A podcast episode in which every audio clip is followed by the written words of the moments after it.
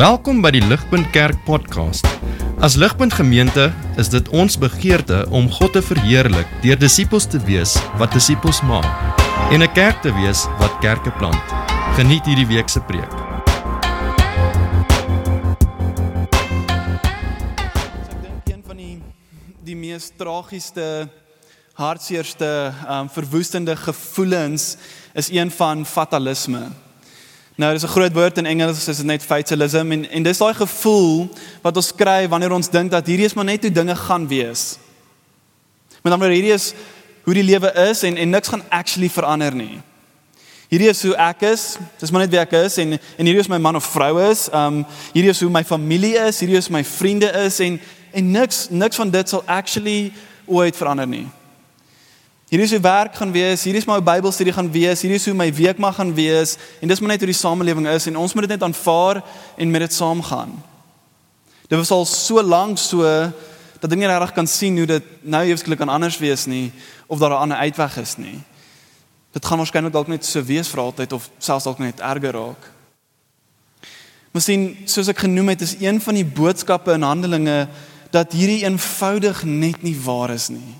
En dit kan nie waar wees van ons nie. Sien Jesus Christus is nie dood nie. Hy is nie ver nie. Hy is nie stil nie. Hy is nie swak nie. Hy is teenwoordig en aan die werk in die wêreld in die vooruitgang van sy wil en in jou lewe. Hy is lewendig en wat hy begin het op aarde, is hy ook besig om nou te voltooi. Handelinge is nie iets ver nie, dis net iets wat aangaan waar ons nou is. Hy is vol verrassings vir kerke, vir families en vir jou. John Piper sê met vir my baie goed saam in 'n quote. Ek wil hê julle moet saam met my lees. Hy sê the point of the book of Acts, the point of the kingdom of God, the point of the Christian life is that Jesus is alive and in charge of the world and that he butts in and changes things. He does not like fatalistic attitudes. He does not like pessimistic, cyclical views of history or personal life or family life. Views that say things just go in circles, they don't get anywhere. The yo yo of fate never comes off its string and sails in some wonderfully unexpected arc through the sky. And say the world is not a machine, it's a drama. And there is a live author director named Jesus who can and does jump on the set anytime he wants to and boggy the minds of the actors who think they know the script. Sien dis wat Handelinge vir ons wys. Dis met hierdie agtergrond wat ek wil hê ons moet kom na die teks vanaand. En so ek wil ons moet konteks kry oor waar ons weer is in Handelinge en dan wil ek vir ons bietjie dieper induik in hierdie twee wonderwerke wat Petrus gedoen het en sien okay wat kan ons kry daaruit en hoe kan ons dit toepas op ons lewens en hoe kan ons ook vandag nog met verwagting leef dat Jesus wil kom en dinge radikaal omkeer. Okay, so kom ons kom ons kom by die konteks. Ons weet dat daar 'n wye vervolging plaasgevind het in Handelinge spesifiek vanaf Handelinge 8 waar Stefanus gestenig was. So na Stefanus gestenig was, was daar erge vervolging van die kerk. En ons sien hoe Saulus 'n groot rolspeler in hierdie was. Hy was een van die voorste manne wat commit het om Christene dood te maak en te vervolg. En so dit moes actually regtig maklik en tempting wees vir die kerk in daai tyd om te dink hierdie is hoe dit gaan wees. Dis hoe erg dit gaan wees vir nou en vir altyd en amper al bietjie moedeloos te raak dat hulle net aanhou en aanhou gaan vervolg word en te dink die momentum is so groot en eintlik te dink oor hierdie gaan net erger raak.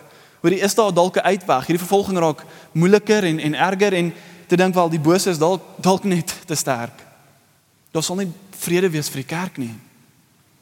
En so ek dink hierdie is hoe meerderheid van ons baie keer ook dink oor ons geloof. Oor ons kerk en en oor ons lewens om te dink hierdie is maar net hoe dit gaan wees. Ek ek sê nie almal nie, maar maar van ons dink dalk so. Maar as ons regtig besef dat wie Jesus is, dink ek ons sal vinnig agterkom dat hierdie is nie 'n gesonde manier om te dink nie. Want sien Jesus wil nie vasgekeer word in enige patroon van normaliteit of passiwiteit nie. Jesus is kreatief met al die mag in sy hand om die dobbelstene te laat rol soos hy wil. En so wat ons kry is na hierdie vervolging en en hierdie erge vervolging na Stefanus en hoe die kerk moes dink is dat ewe skielik ewe skielik uit die blou kom Jesus en verskyn aan Saulus. Dis die tipiese preek van laasweek. En hy vat 'n sleutelrolspeler in die vervolging van die kerk en hy keer sy lewe om. Saulus word radikaal bekeer en word Paulus. Die een wat vervolg het, word nou die vervolger omdat hy veg vir Jesus en die radikaalste sendeling ooit geword het. En die resultaat van hierdie omkeer, die resultaat van hierdie radikale inkeer van Jesus om dinge om te draai uit die blou, sien ons in vers 31. So the church throughout all Judea and Galilee and Samaria had peace and was built up. Niemand sou kon droom dat hierdie kan gebeur nie en ook so skielik nie. Vervolging, wreedheid, verspreiding en dan skielik kom Jesus en hy keer dinge om. Hier is wat hy doen. So skielik soos hy weer verander in Pretoria, dis so skielik Jesus kom dinge doen. En dis ons moet dink oor hom. En so van hier af wil ek net vinnig hê ons moet bietjie terugkyk in ons lewens. Net soos ons vinnig teruggekyk het in Handelinge en net dink gou, hoe het God al reeds ingekeer en ingebreek in ons lewens? Net om te weet dat hy het al reeds in indien nie almal van julle se lewens ingebreek nie. Wie weet nie wat die aanddiens was 'n bietjie langer as 'n jaar terug, 10 mense daarbo met een bandmember. Dit was 'n vol band. Dit was amper 50 mense hier binne. Hoeveel van julle het nie mense ontmoet wat jy gedink het jy nooit in jou lewe sal ontmoet nie? Vriendskappe hier wat eg is en waar is wat jou lewe kom omkeer het. Community gevind wat jy nêrens anders sal kry nie. Regtig hier 'n besef en 'n verstaan gaan kry van wat die gospel is en wie Jesus is. Hoe het Jesus in jou lewe ingebreek in die laaste jaar? Dink terug en besef Jesus kom en keer dinge om. En hy wil dit aanhou doen. As ek net my eie lewe vat in die laaste 3 jaar, 'n klein snippet, het ek by Ligpunt aangekom en 'n kerk gekry wat God dien en wat Jesus preek. Ek het die gospel vir eers keer regtig begin snap en gesien wat Jesus my gedoen het. Geleer wat genade is, want ek nie baie vir myself of iemand anders gehad nie. Hierso het ek vriende ontmoet wat die naaste familie geword het. Vriende wat ek nooit in my lewe sou kon droom ek sou kon hê nie.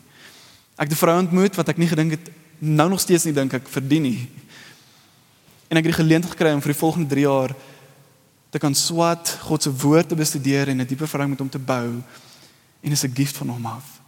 Dis net klein manier hoe Jesus in my lewe, groot manier hoe Jesus in my lewe ingebreek het, maar ek wil hê jy moet weet dat Jesus al reeds in jou lewe ook ingebreek het. En as hierdie dalk vir jou moeilik klink en jy verstaan dit nie of jy glo dit nie regtig nie, wil ek nou hê kom saam met my na hierdie teks. Kom sien wat Jesus hier kom doen het en glo hy kan dieselfde doen in jou lewe. Ons kom terug na die bekering van Paulus. Sien ons dat selfs in daai tyd, selfs na die bekering van Paulus en en nadat 'n bietjie vrede was in die kerk het, het God nie opgehou om verrassings te bring nie.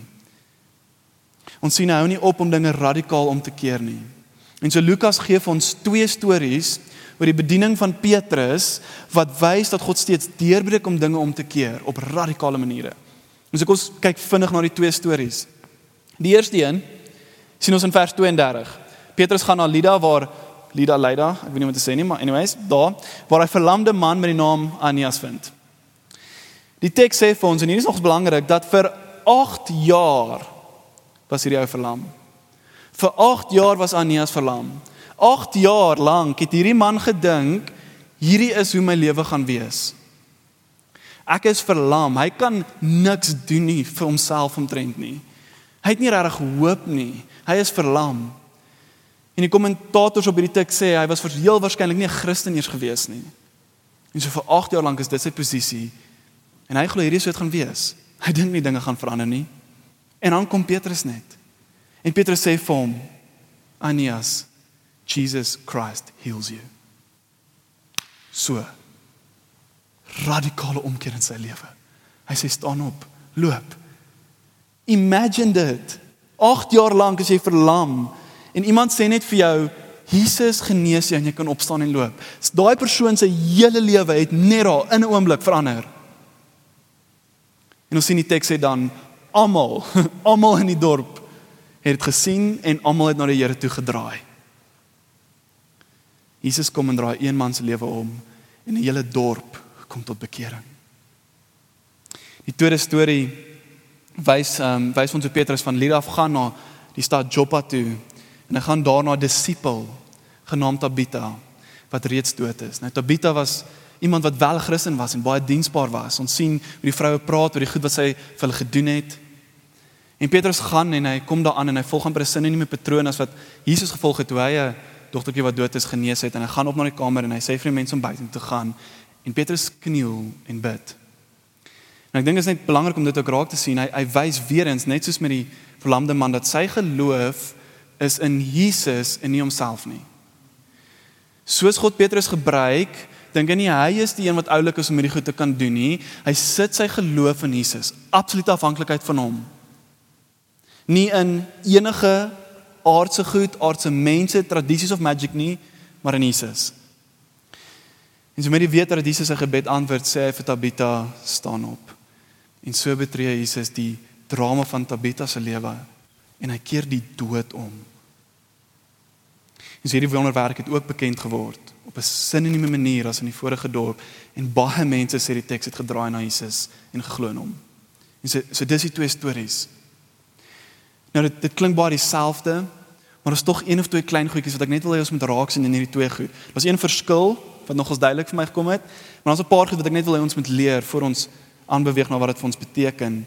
Met die eerste storie sien ons 'n man wat soos ek gesê het heel waarskynlik nie 'n Christen is nie. OK? Hy kon absoluut niks doen vir homself nie. Hy's verlam. Hy het nie acts of charity gedoen soos Tabitha nie. En vir 8 jaar lank is hy verlam en Petrus kom en God gebruik Petrus as instrument om hierdie man se lewe totaal en al om te keer. Tabitha aan die ander kant leer ons was wel 'n Christen. Ons sien oor hoe die mense praat van ons, hy het baie goeie werke gedoen en baie daarvan wel liefdadighede gedoen. Acts of charity. En mens kan argumenteer dat op 'n mate dalk sy dit verdien dat God inbreek in haar lewe. Ek meen, sy was regtig 'n goeie disipel. Met ander woorde, die kontras wat ons hier moet sien is dat God kom en hy keer lewens om van beide Christene en nie Christene. Die wat dit moontlik verdien dalk en die wat dit absoluut glad nie verdien nie. Want God is soewerein en hy kan doen wat hy wil. En alhoewel hy Petrus gebruik het, moet ons raak sien nou en ons gaan later kyk, daar was wel 'n atmosfeer waardeur God gewerk het. En dis meer te doen met Petrus en hoe God hom gebruik het en ons sal by dit uitkom. Maar ek wil hê ons moet sien dat God is in beheer, nie die mens nie. God is in beheer, nie ons nie. Ons kan nie iets ouliks doen vir God om in te keer nie. God besluit waar hy wil inbreek. En so as jy sit En ons hoor hier twee stories wil ek hê jy moet hoor dat as jy dalk nie Jesus ken nie. Dit is aan die begin genoem en ek het vinnig ook genoem dat vroeër is dat Jesus het vir jou gesterf. Sodat as jy glo in dit, het jy saam met hom gesterf en jy kan saam met hom opstaan en nuwe lewe ontvang. Hy wil in jou lewe inkeer en inbreek. As jy nog nie 'n ware verhouding met hom het nie, hoor vanaand. Hy wil inbreek in jou lewe. Wees ontvanklik vir dit. Moenie keer teen dit nie en hy kan in jou lewe inbreek. Maar selfs as jy sit en jy's 'n Christen al vir jare, dalk 'n jaar, hoe lank ook al, God wil nog steeds inbreek in jou lewe. En hy wil nog steeds amazing radikale in jou lewe doen en deur jou lewe doen. So moenie huiwer om ontvanklik te wees nie. Wees oop en verwagtend vir wat hy wil doen. En so vir ons bietjie meer prakties raak, wil ek hê ons moet sien dat ons vier dinge, vier dinge wat ek net wil ons moet in ag neem van die twee wonderwerke voor ons bietjie verder beweeg. Die eerste is die verlamde man was 8 jaar verlam. En ek noem 8 jaar want dit is nogals 'n lang tyd. En so ja, God breek in en hy kan dit doen wanneer hy wil. Maar baie keer moet ons ook geduldig wees. Dink net hoe geduldig moet hierdie persoon wees om te dink iets gaan gebeur. Vir 8 jaar lank al as jy 'n Christen en jy voel dalk vanaand jy's bietjie in 'n woestyn, Wees geduldig.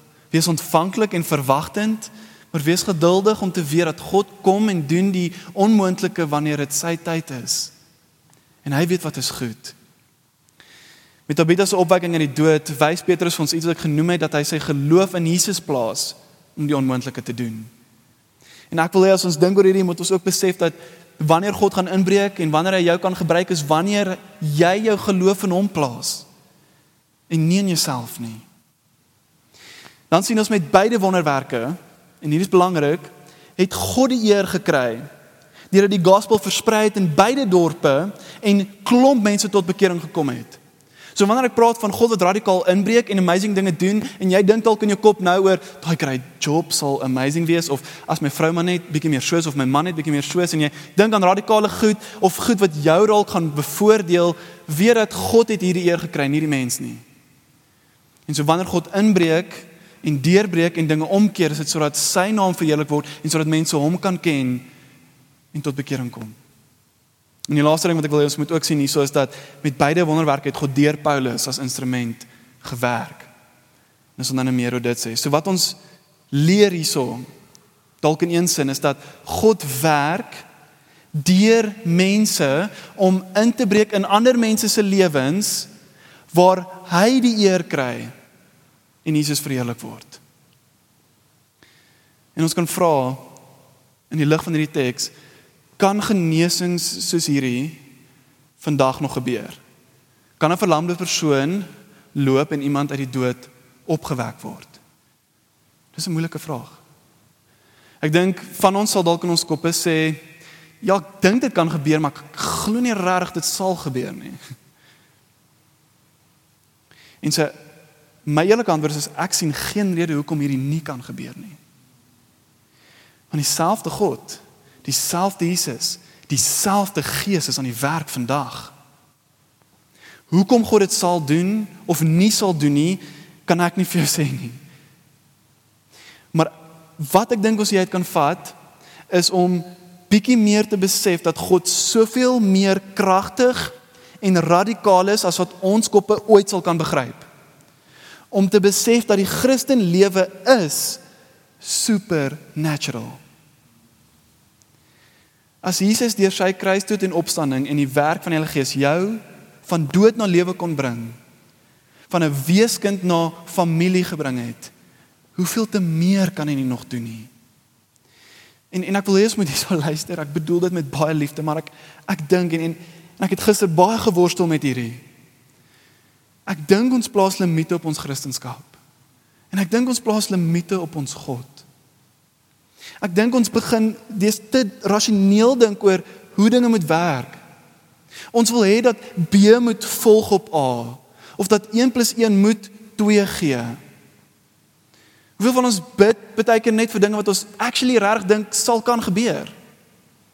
Ons bid dat ek 'n regte lekker nagrus sal hê wanneer ons lê op 'n baie baie sagte matras in 'n baie lekker kamer. En ons ons bid vir 'n vir 'n lekker dag en baie keer vir beskerming en en is dinge wat belangrik is en ek sê ons moet nie bid vir dit nie. Maar my vraag is wanneer het ons wanneer laas het ons gebid vir iets wat ons regtig geloof voor moet hê? Iets wat dalk bietjie buite die boksies is. Iets waar ons bietjie laat gaan uit van beheer. Waar ons bietjie dalk ongemaklik selfs gevoel het met daai gebed. Ek dink ons wil regtig graag in beheer wees. Ek wil regtig graag in beheer wees. En is bang om vir radikale goed te bid. Ek dink die manier hoe ons deur lewe wil gaan is soos met 'n GPS aan. Waar ons presies weet dat oor 200 meter gaan ons links draai, oor 300 meter gaan ons reg draai. Ons moet daai afrit vat. Plaas om net die foon weg te gooi en te sê Here laat U wil geskied. Sies Lewis het gesê a naturalistic Christianity leaves out all that is specifically Christian. Die Christelike lewe is supernatural. Seker al God werk deur mense om in te breek in ander mense se lewens, maar hy kry die eer en Jesus word verheerlik. So nou is die vraag: Hoe lyk die atmosfeer? Hoe lyk die atmosfeer in aanhalingstekens waardeur God kan inbreek en lewens verander en dinge in die wêreld kom doen sodat hy die eer kan kry en mense na hom toe draai in bekering? En ek sê nie hierdie is presies hoe dinge moet wees vir God om te werk nie. Ek wil hê ons moet dit verstaan. God kan werk op enige manier soos hy wil, maar ek sien tog hier in Handelinge soos God vir Petrus gebruik het, waarvandaan Petrus gekom het dat God hom gebruik, is daar 'n bietjie van 'n atmosfeer wat geskep was onder die kerk wat God gebruik het om amazing wonderlike radikale dinge te doen. En so ons kan daaruit leer en vra kyk maar hoe lyk hierdie atmosfeer? Hoe moet ons dan wandel as kerk en individue sodat God kan kom en radikaal dinge doen en sodat ons ontvanklik kan wees vir wat hy deur ons wil doen. En so vers 31, die tweede deel antwoord vir my hierdie vraag. As jy die Bybel sê, kyk saam ek dink dit kom op nie. Die tweede deel van 1 vers 31 sê and walking hier is hoe die kerk gewandel het, walking in the fear of the Lord and in the comfort of the Holy Spirit, the church was multiplied. So daar's twee belangrike goed, fear of the Lord and comfort of the Holy Spirit. So Petrus in die kerk het gewandel in die vrees vir die Here, in 'n ontzag vir die Here en in vertroosting en comfort van die Heilige Gees en dit was die atmosfeer waarin Jesus inbreek en waardeur hy dinge kom verander het. En ons kan vinnig dink my dit klink bietjie soos opposites. ontzag vir die Here, vrees vir Here en comfort of the Holy Spirit, vertroosting van die Heilige Gees. Maar wat ons sien is op 'n magical amazing supernatural manier gebruik God hierdie twee saam om amazing dinge te laat gebeur. En so kom ons vinnig ontleed net daai twee vir ons dit weer bymekaar sit.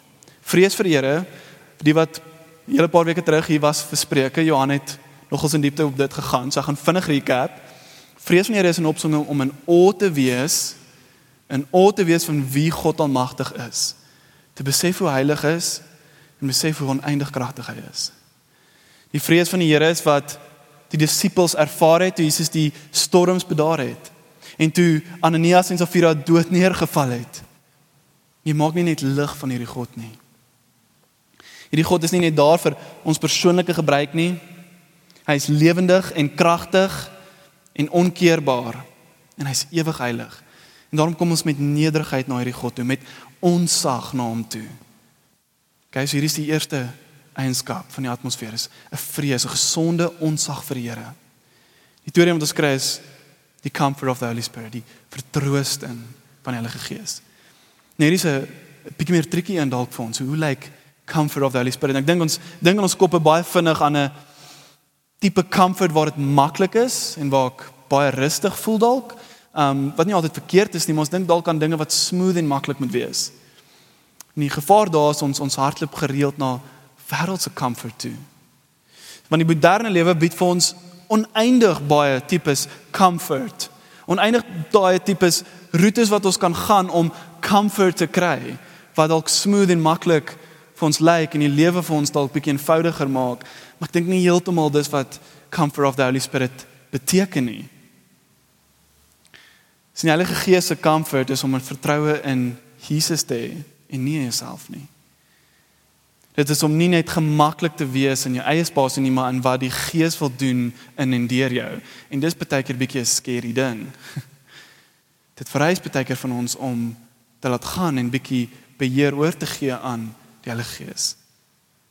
En so Marshall Segal som hierdie op in 'n baie mooi manier vir my I say comfort in these verses clearly is not dependent on physical health or financial security or what we call quality of life. It's so much more reliable and satisfying than any of those things. You see, Christian comfort does not mean the absence of suffering, but the presence of hope and joy stronger than any suffering we might experience in this life. Nothing can threaten or diminish the comfort we find in Jesus.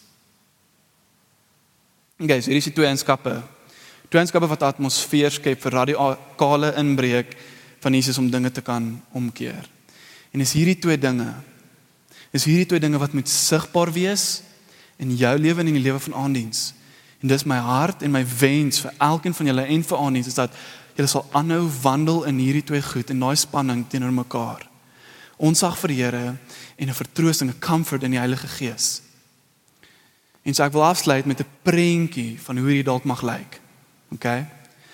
Wanneer ek dink aan hierdie twee goed, is die enigste goeie prentjie wat ek kon kan dink, dalk gesteel het, niemand sal weet nie, is soos om te lewe in die oog van 'n orkaan. OK. So orkaan, daar sal prentjie opkom, ek gaan vir 'n rukkie daar bly. Ek sal nou verduidelik. Vir die wat nie weet nie, orkaan of hurricane is 'n tropiese sikloon met winde bo iets soos 120 km/h. Dis flippend sterk winde. So enigiets in die pad van so 'n orkaan word verwoes. Totaal en al vernietig. Dis kragtige, powerful winde en jy wil nie in die pad van so 'n ding kom nie. Neem ek aan, want ek was nog nie daar nie anders ek nie wees nie. Maar hier's die amazing ding, die Columbia Encyclopedia sê by contrast tot hierdie sterk winde, the hurricane eye is almost calm. Experiences little or no precipitation and is often exposed to blue sky. Okay? Die hurricane eye is waar die pyltjie wys. Okay? Middelpunt. So wanneer Lukas In vers 31 sê die kerk het met onsag voor die Here geleef en bemoediging van die Heilige Gees is dit soos om rond te vlieg in die oog van so 'n orkaan. Jy is in die oog van 'n orkaan waar die comfort of the Holy Spirit is, maar met 'n goddelike krag wat om jou beweeg en jy in daai oog is diep bewus van hierdie goddelike krag wat maak dat jy in onsag vir die Here leef. Maak dit sin? En so dis my hart vir aandiens hierso dat jy sal leef in kalmte en in vrede van die Heilige Gees en wie hy is en wat dit vir jou beteken, maar tog so bewus van wat om jou aangaan en die krag wat God het om jou te gebruik in ander se lewens en selfs wat hy kan doen in jou lewe. En sien van ons gaan weg einde van die jaar, van ons bly, van ons het ander fases van lewens wat ons betree volgende jaar. My hart is vir elkeen van julle om hierdie te onthou.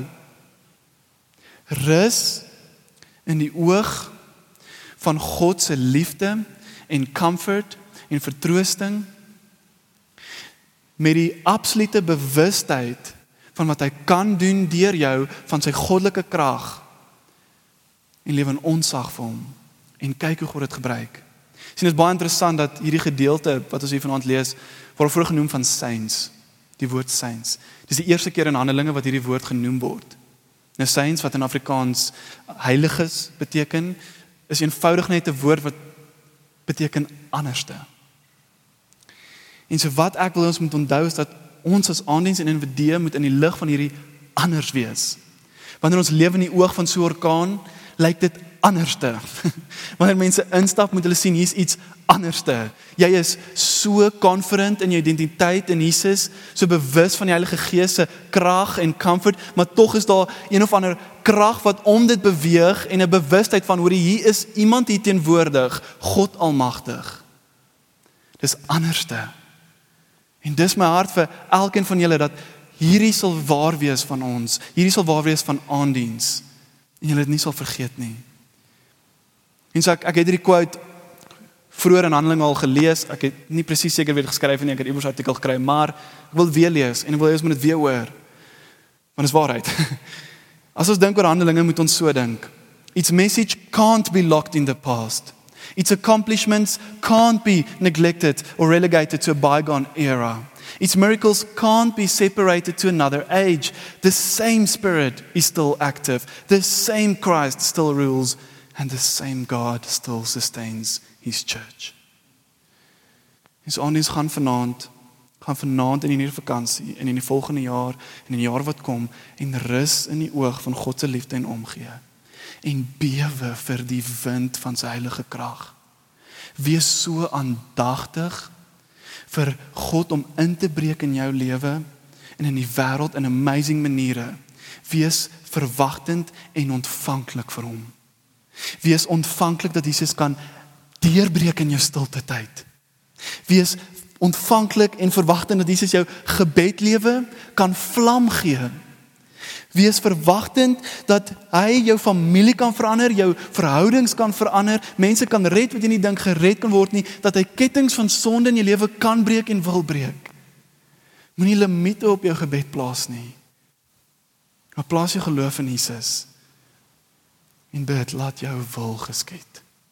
Kom ons bid.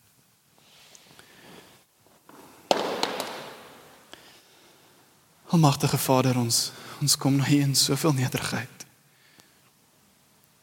Here ons ons is so bewus van u krag. Soos ons hierdie teks lees. Maar ons sukkel baie keer om dit heeltemal vas te vang of te verstaan. En ek dink baie keer ons kan nie dit vasvang en verstaan nie. Meer mag ons 'n prentjie kry van hoe dit lyk om te lewe in onsag vir U, maar tog in the comfort of the Holy Spirit. Here kom vertroos die wat moet vertroos word.